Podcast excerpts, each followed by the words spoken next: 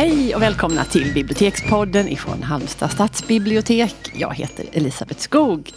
Och där gjorde jag ett kardinalfel för man ska börja med att presentera sin moitié och här får ni då höra Jeanette, Eh, Jeanette Malms. Malm. Men gäller det även när man är kollegor? Det är inte det mer om vi hade haft en gäst? inte. Ja, men det hade nog varit klädsamt om jag hade börjat med dig. Ja, där. jag tar inte kände- illa vid mig. Nej, det var skönt. Jag, jag trodde inte riktigt det. Men precis när jag hade börjat så kände Du jag kände att, att- ah, ah, ah. Jag kände hur Din ribbig... inre Magdalena Ribbing reagerade Min instinktivt. In, precis, min inre ribbing knackade mig på axeln och sa ah, ah, ah.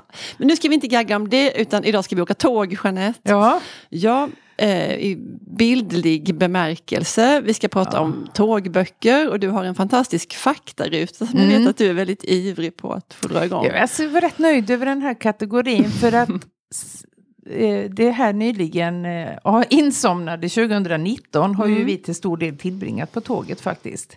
Väldigt mycket Jag har aldrig åkt tåg så mycket i hela mitt Nej. liv som Och det har detta funkat år. skitbra hela tiden. Det är inte Ja. alltid en självklarhet. Nej. Eh, och sen läste jag faktiskt den här fantastiska nyordslistan som kommer varje år. Mm. Där var ett nytt ord med och det är tågskryt. Just det. F- Alltså flygskam var ju nytt kanske förra året Mm. eller ännu tidigare. Att det är ingenting man... Alltså, Man om du, stoltserar nu, ju inte med- om du flyger så smygflyger du. du liksom, Ja. Lägg inte ut någonting om det. Medan då eh, Så man tåg är hinner ju inte mer än på tåget förrän det ska fotas och visas. Nu Nej, precis. Och jag tänker att det är för att man kombinerar två saker. Dels så reser man miljövänligt och Mm. sen visar man att man har gott om tid. Och tid är ju väldigt status eh, Ja. eh, nu för tiden. det är det. Eh, för det tar ju längre tid såklart. ja. Eller också vet jag inte om jag- det gör det. Jag tänker vi har åkt fram och tillbaka till Stockholm.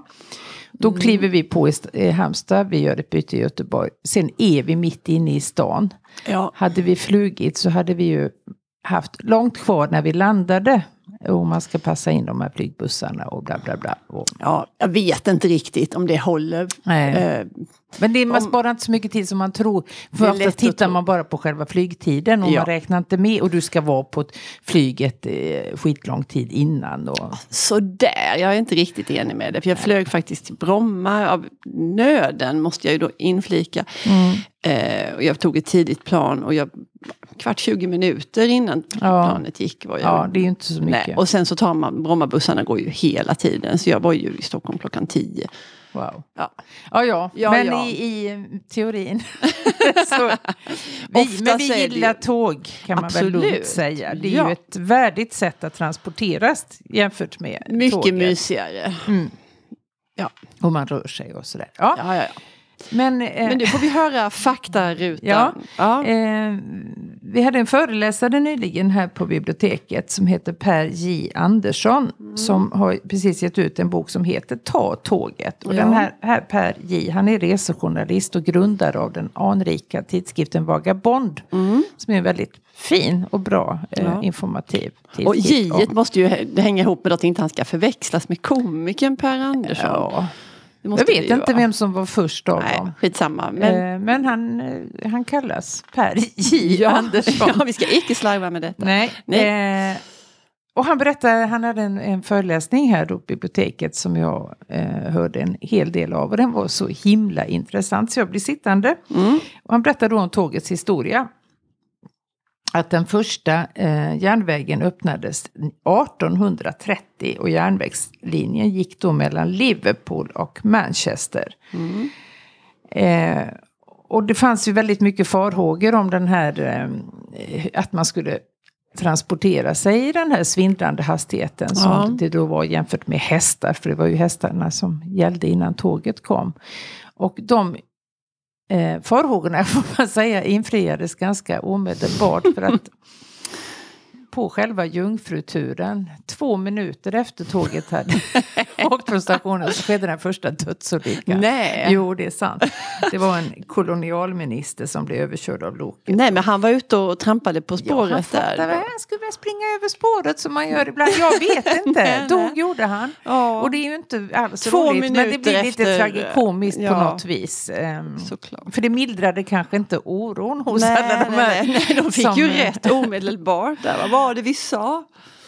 Och sen berättar han en annan jätterolig sak om det här med tiden och tidtabeller. Mm. Att före tåget kom så hade alla orter i Sverige sin egen lokala tid. Så festligt. Och den var då baserad på när solen stod som högst på himlen över just den här orten. Mhm. Eh, så mellan Stockholm och Göteborg så skilde det 24 minuter. Ja. Och det är ju jättemycket. Det fanns inte två orter i Sverige som hade samma tid. Och, men detta, tågen tvingade ju fram. Mm, Alltså man är ju det tvungen, klart. det, fattar ju alla. Ja, ja. Och då startade en jättelångdragen debatt om vilken ort som skulle Ja. ha då. Och göteborgarna tyckte ju klart det är Göteborg. Ja. Och stockholmare, nej i Stockholm finns allting annat. Eh, så den Hur här blev striden- det då? Ja, det blev en eh, Kompromiss. kompromiss Ja. kan man säga. Eh, men det tog alltså 15 år innan man kunde enas. Spännande. Detta hade jag ingen aning om. Nej, och när man då införde den här normaltiden, eh, alltså en rikslikare som man kallade det Mm. av tiden, så köade folk i hundratal utanför urmakarna för att ställa om sina Åh. klockor. Så det var fint. 1897 som Mm. det infördes. Mm, mm, mm. Eh, och man fick då veta oj, vilken tid som gällde för just den här orten. Ja. Alltså, mm, informationen gick ju inte fram på samma vinklande snabba sätt som den gör idag. Så man Nej. kan ju förstå att det var det orsakade Stor mycket. sak, ja men Stor såklart. sak, Ja, verkligen. ja. Och vi var det första landet i hela världen som hade då standardtid för hela riket. Mhm. Mm. Så Detta om. Per J Andersson och Ta tåget och Ja. tågets historia. Ja, nej, men vi tackar för denna väldigt fascinerande och Mm, jag tycker det. spännande lilla utvikning. Eh, vi har tagit med oss några böcker också som då såklart Mm. syftar på detta med tåg och tågresor. Och först ut är då en, det är nog en väldigt känd bok som väldigt många människor läste för ett par, tre år sedan. Eh, och det är då Kvinnan på tåget av Paula Hawkins. Mm. Det var människor som inte brukar komma till bibblan och aldrig brukar läsa eller inte som hade hört talas om den här. Ah, det är någonting med något tåg och någon tjej där och sådär. Så Men den- vad var det hos den boken som eh, startade den hypen då? Var det något Ja men särskilt? säg det. Ja men dels så... så ehm, ja, nej, men den handlar ju då om en, om en kvinna som är, hon är arbetslös och alkoholiserad tillika. Eh, men hon ska på något vis ändå försöka hålla skenet uppe mm, där hon bor och i sin mm, omgivning. Så hon sätter sig på tåget varje morgon som om hon skulle till Det är sitt... som han, till dok- sitt- franske doktorn. Ja exakt, doktor Roma. Mm. Eh, Roma. Precis, eh, och det, här, det är också något mm, spännande där med att upprätthålla en, en livslögn. Och, Mm. eh, det, det är ju på något vis kan vara intresseväckande. Men sen är det ju, finns det ju en deckargåta i den här. För eftersom hon åker samma tid varje dag så, så börjar hon liksom titta på det hon passerar. Och då är där ett, ett hus som ligger väldigt nära spåret. Eh, där det bor ett ungt par. Hon bestämmer, och den här Rachel då, som är huvudpersonen, hon, hon döper dem till Jason och Jess, de, de här två. Okej. För men Ja. Hon får väl ha lite, skapa sig lite egen spänning i sin Mm. trista, ledsamma vardag. Så hon börjar liksom spåna om de här personerna och huruvida de är, det ser superidylliskt och lyckligt ut där. Eh, Den, det kan ju bara vara ett par sekunder som hon ser Mm. där. Men hon eh, fyller ut ur sitt egen, sin egen fantasi. Eh, och till sen då när hon ser någonting som, som eh, får henne på helt andra tankar. Eh, ja, så det är liksom den här, det här paret i huset och Mm. eh, vår huvudpersons tankar kring detta som är liksom navet i Mm. berättelsen. Och Jo. tågresan såklart, mycket Ja, men viktig det låter ju som en originell eh, eh, deckare faktiskt. Ja. Inte sådär jätteschablonartat. Och det som här att hon också att hon är alkoholiserad Ja. och vad det gör med, med perceptionen och Ja, minnesförmåga. och precis. Hon blir en opålitlig berättare. Ja, och vem ska man lita på? Så den blev också film och den följdes av massa andra böcker som, som hette, liksom ville rida på den här vågen. Som hette ungefär likadant, eh, Kvinnan i fönstret och Ah, Kvinnan det. på bussen, nej det vet jag inte, men liksom alltså Ja. likartade Kvinnan Ja. på någonting. Ja. Ehm, Det är ett ganska vanligt fenomen. mycket. Jag vet att du har ett favorithatobjekt där. På. Ja. Det är egentligen ämne för en annan podd. Ja, Eh, kan hinta lite om det. Ja, det är alla titlar som innehåller någonting med litet. Ja. Då tänker jag nej, jag Nej. kan, inte läsa Nej, den här boken. Lilla. Eller lilla eller litet. Ja, precis. Nix. Lilla bageriet och lilla, Ja. Lilla kaféet och lilla... Ja, Ja, jag vet nej. precis vad du menar. Det tar vi ett annat avsnitt. Eh, Jag har du ju tillbaka? Ja. väldigt långt i tiden då. Mm. Eh, För att det ska sägas också att när tågresorna kom eh, så efter ett tag så skapades en helt ny litterär genre Mm. och det var tågromanerna Ja. som blev ganska så eh, talrika. Och den första var ju, ja det vet jag inte, men Nej. den som är mest ihågkommen idag det är klassikern då Agatha Christies Mordet på Orientexpressen som kom 1934. Och den är ju, eh, den har kommit ut i nyutgåva. Jag blir faktiskt riktigt sugen på att läsa om den. Ja. För jag har läst allting i mitt barndom, Mm. ungdom av Agatha Det Christie. var och man typiskt en sån, man läste ju Christer Ja, man för det var gjorde det, det. som fanns och det, Exakt. det var inte så svårt. Då. Och Så, men du hon måste- är ju en mästare och man fattar ju att, de, att hon fortfarande läses, för det gör hon väl, Mm. hoppas Ja men det gör hon. Ja. Ja. Och, Men du, det måste ju vara någonting med det här med själva tåg... exakt. Den miljön och den liksom Ja. kring arrangemangen där som gör, som gör att det passar så himla bra för en bok. För det är ju... Det är ju, för en deckarförfattare måste det vara den ultimata miljön, tänker jag. För att det är, dels är det ju det här slutna. Ja. Eh, och du vä- väljer ju inte vilka du ska färdas med. Nej, och det är också ett tvärsnitt av, det kan ju verkligen vara alla möjliga som, som Ja. sitter väldigt nära varandra plötsligt, som aldrig hade träffat på varandra annars. Nej, man har ju bara det gemensamt att man ska till samma ställe Ja. från samma ort. Ja. Och det använder hon då i mordet på Orientexpressen. För då är det 12 personer, inklusive då Hercule Poirot, som är ju hennes manlige detektiv. Mm. Och eh, en person blir mördad.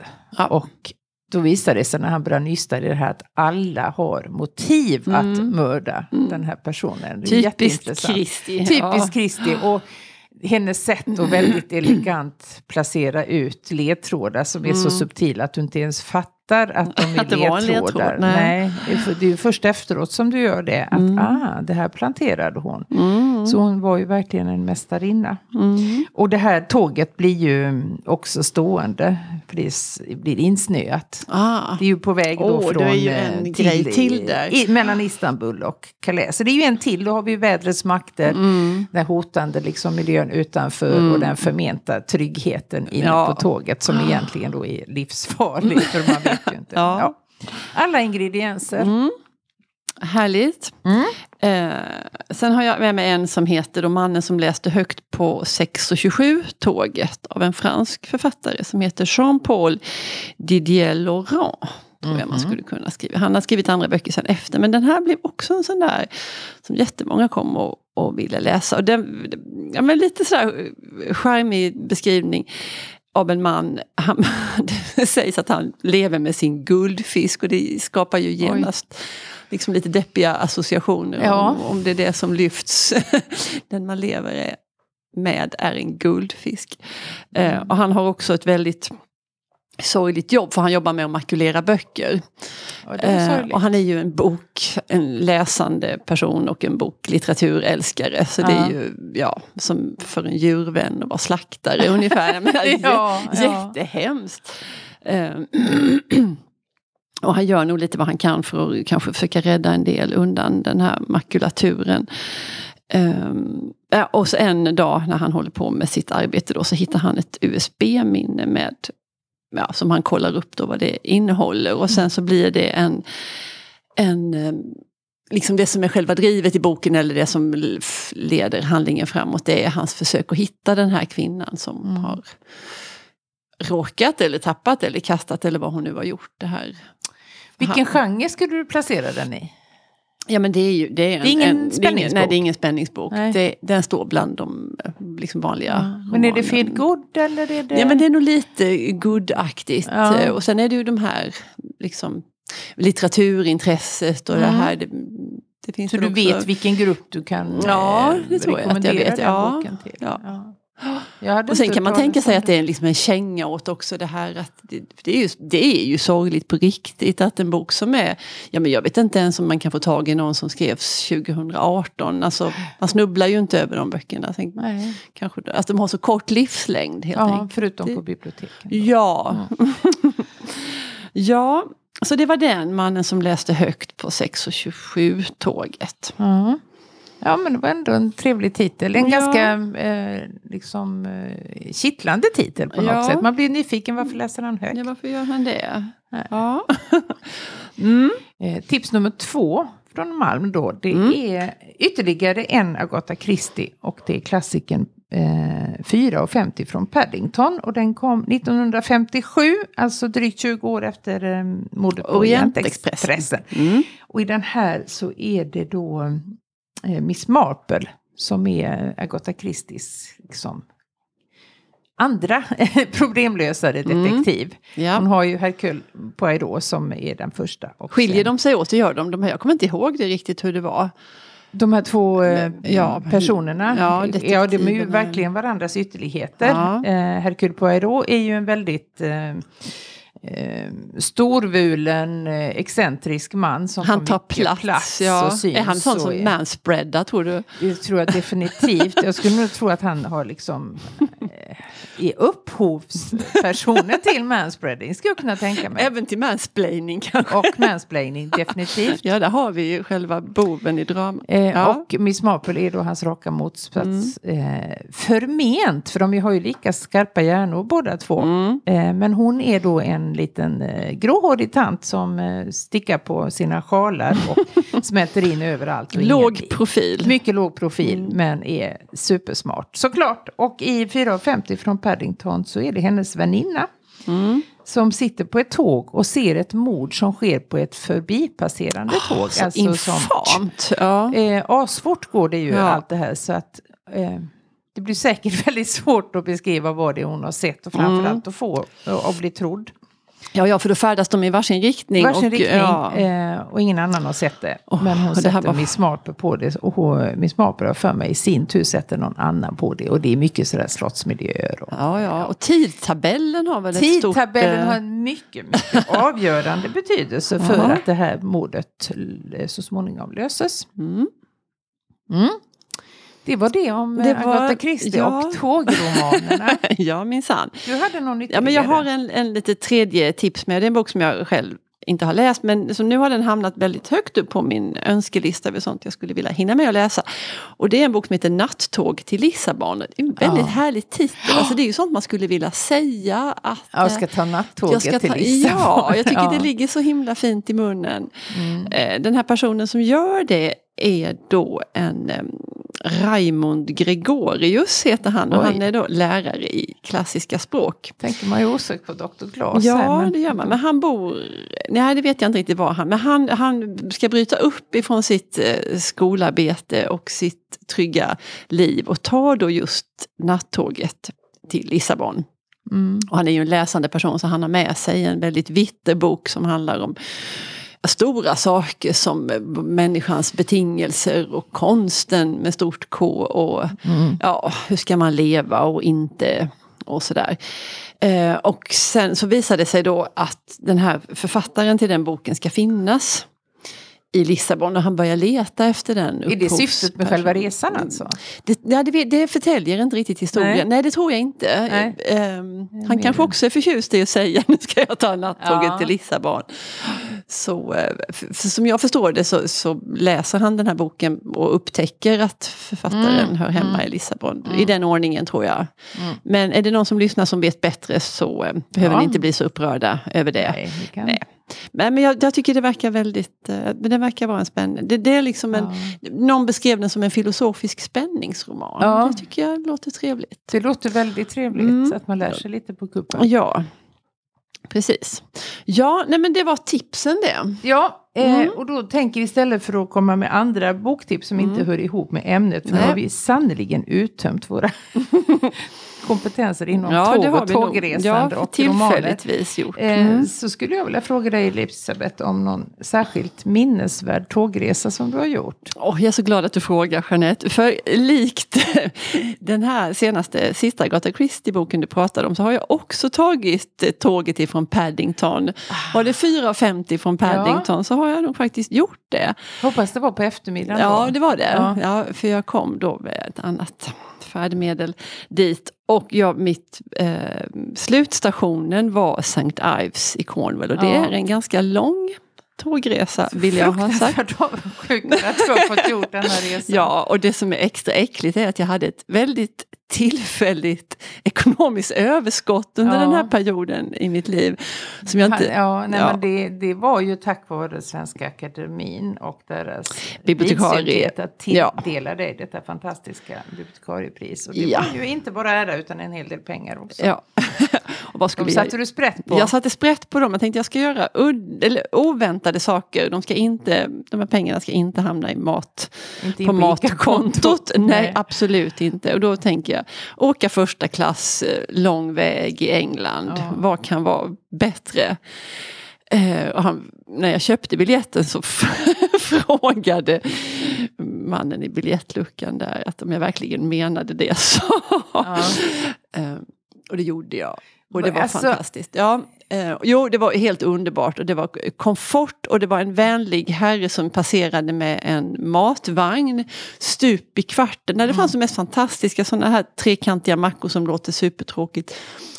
Men de var Små hur sandwich, goda som eh, helst. Ja, du vet sådana här, precis. Ja. Som jag förknippar väldigt mycket med England, just de här trekantiga. Ja, ja. Fann, om man kunde få te, om man kunde få kaffe, om man kunde, ville man ha glutenfritt bröd så fanns det det. Och det fanns små chipspåsar och det fanns choklad och det fanns you name it på den här vagnen. Wow. Och det var bara att vinka lite så kom han med den. Lite och, ska du inte, och små väldigt goda bakverk som man också... Wow. Nu kan jag ju inte säga att vi åt för, för den här mellanskillnaden mellan, för den skiljer sig mycket, mycket Den mer i England. Den var enorm. Ja. Det var någon som hade varnat mig innan, för i Sverige skiljer det inte så himla mycket.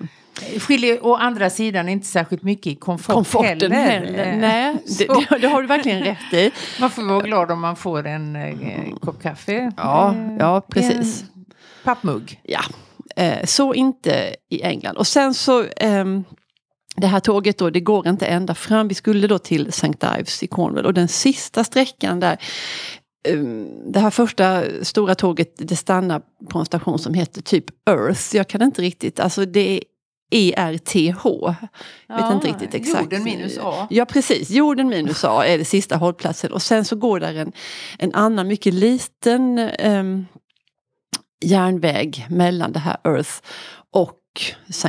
Ives. Och den Wow. är klassad som en av världens vackraste järnvägssträckor. Okej. Eh, Skriver du under på detta? Ja det gör jag, nu har jag inte så himla mycket att jämföra med Nej. men det var helt fantastiskt.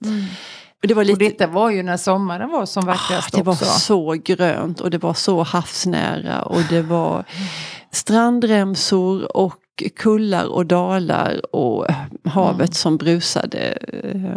Fantastiskt, det är ju lite medelhavsklimat där Mm. faktiskt på den sidan där vid Cornwall med jättefina stränder och bad och sådär. Och det, det var en väldigt kort resa den här sista vi tog där till St. Ives men otroligt vacker. Mm. Eh, Ja, Ja, det var jag måste mångordigt om denna. göra detta, men jag får nog hålla mig till andra klass. Jag har inte fått något pris.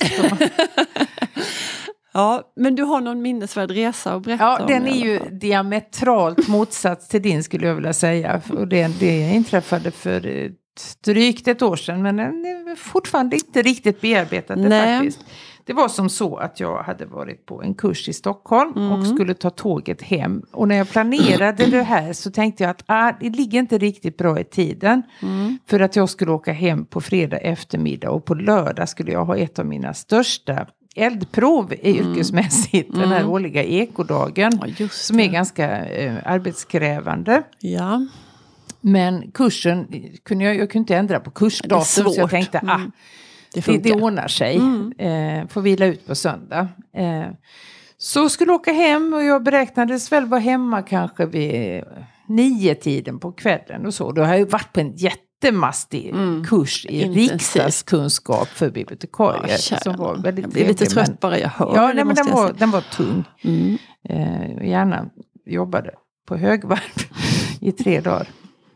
Eh, och jag hade väl inte mer än lämnat Stockholms För central. ni rullade iväg i alla fall. Det var inga iväg som vi problem. skulle, där. Jajamän. Mm, där satt Men, du föga anade du. Precis, kanske hade vi åkt en halvtimme så började tåget sacka in oroväckande och Mm. till slut stod det helt stilla och till slut kommer det här ding dong informationen Mm. om att det var någonting fel på ett tåg framför oss. Alltså inte det tåget vi befann oss Det var ju lika illa för vi kunde Ja, inte komma någonstans. Inte, omkörningsfilen fanns inte. Icke. Nej. Eh, så för att göra en eh, lång historia Lång resa, kort, så kort. kort igår så skulle jag ha ett byte i Nässjö och insåg efter ganska kort tid att jag kommer ju aldrig att komma med det här Nej. Nässjö-tåget och det var det sista som gick. Mm.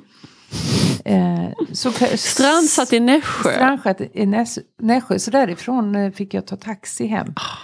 Från Nässjö till Halmstad. Skitlångt. Och var hemma, klockan var över två på Mm. natten. och jag skulle upp eh, före tuppen för Ja, att hålla fy. på och vara mitt mest aktiva jag. Mm. Då var det inte roligt att Verkligen åka inte. tåg. Nej. Faktiskt, inte ett dugg.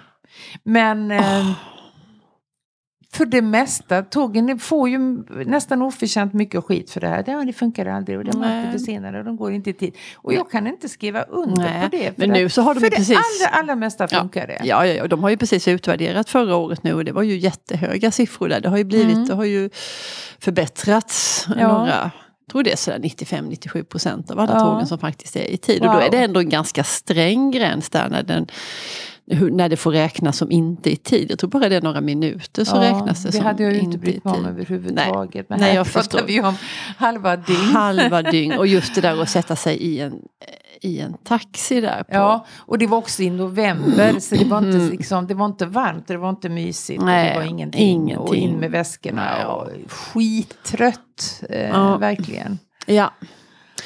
Ha, det var min tågresa. Ja, det kan vara så olika här Så i världen. det. Ja, Ja, men Ha. du, vi Ja. fortsätter ändå att ta tåget. ja, absolut. Det gör Det vi. gör vi. Tack för idag. Tack, tack. Hej. Hej.